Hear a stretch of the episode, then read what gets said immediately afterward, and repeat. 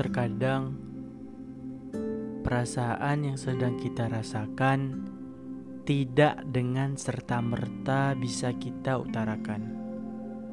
Acap kali itu semua kita sembunyikan hanya karena untuk menjaga perasaan. Tidak semua hal mesti kita ucapkan. Ada kalanya kita bersikap diam. Lalu, harus ke manakah rasa ini disalurkan? Aku tidak mau mencari sebuah pelampiasan. Jangan ada lagi yang menjadi korban atas nama sebuah kesetiaan. Apakah diam lebih baik daripada suara yang berisik? Memandang langit-langit di dalam kamar sembari menilik bayang wajahmu yang samar. Yakinlah padaku dan jangan gusar.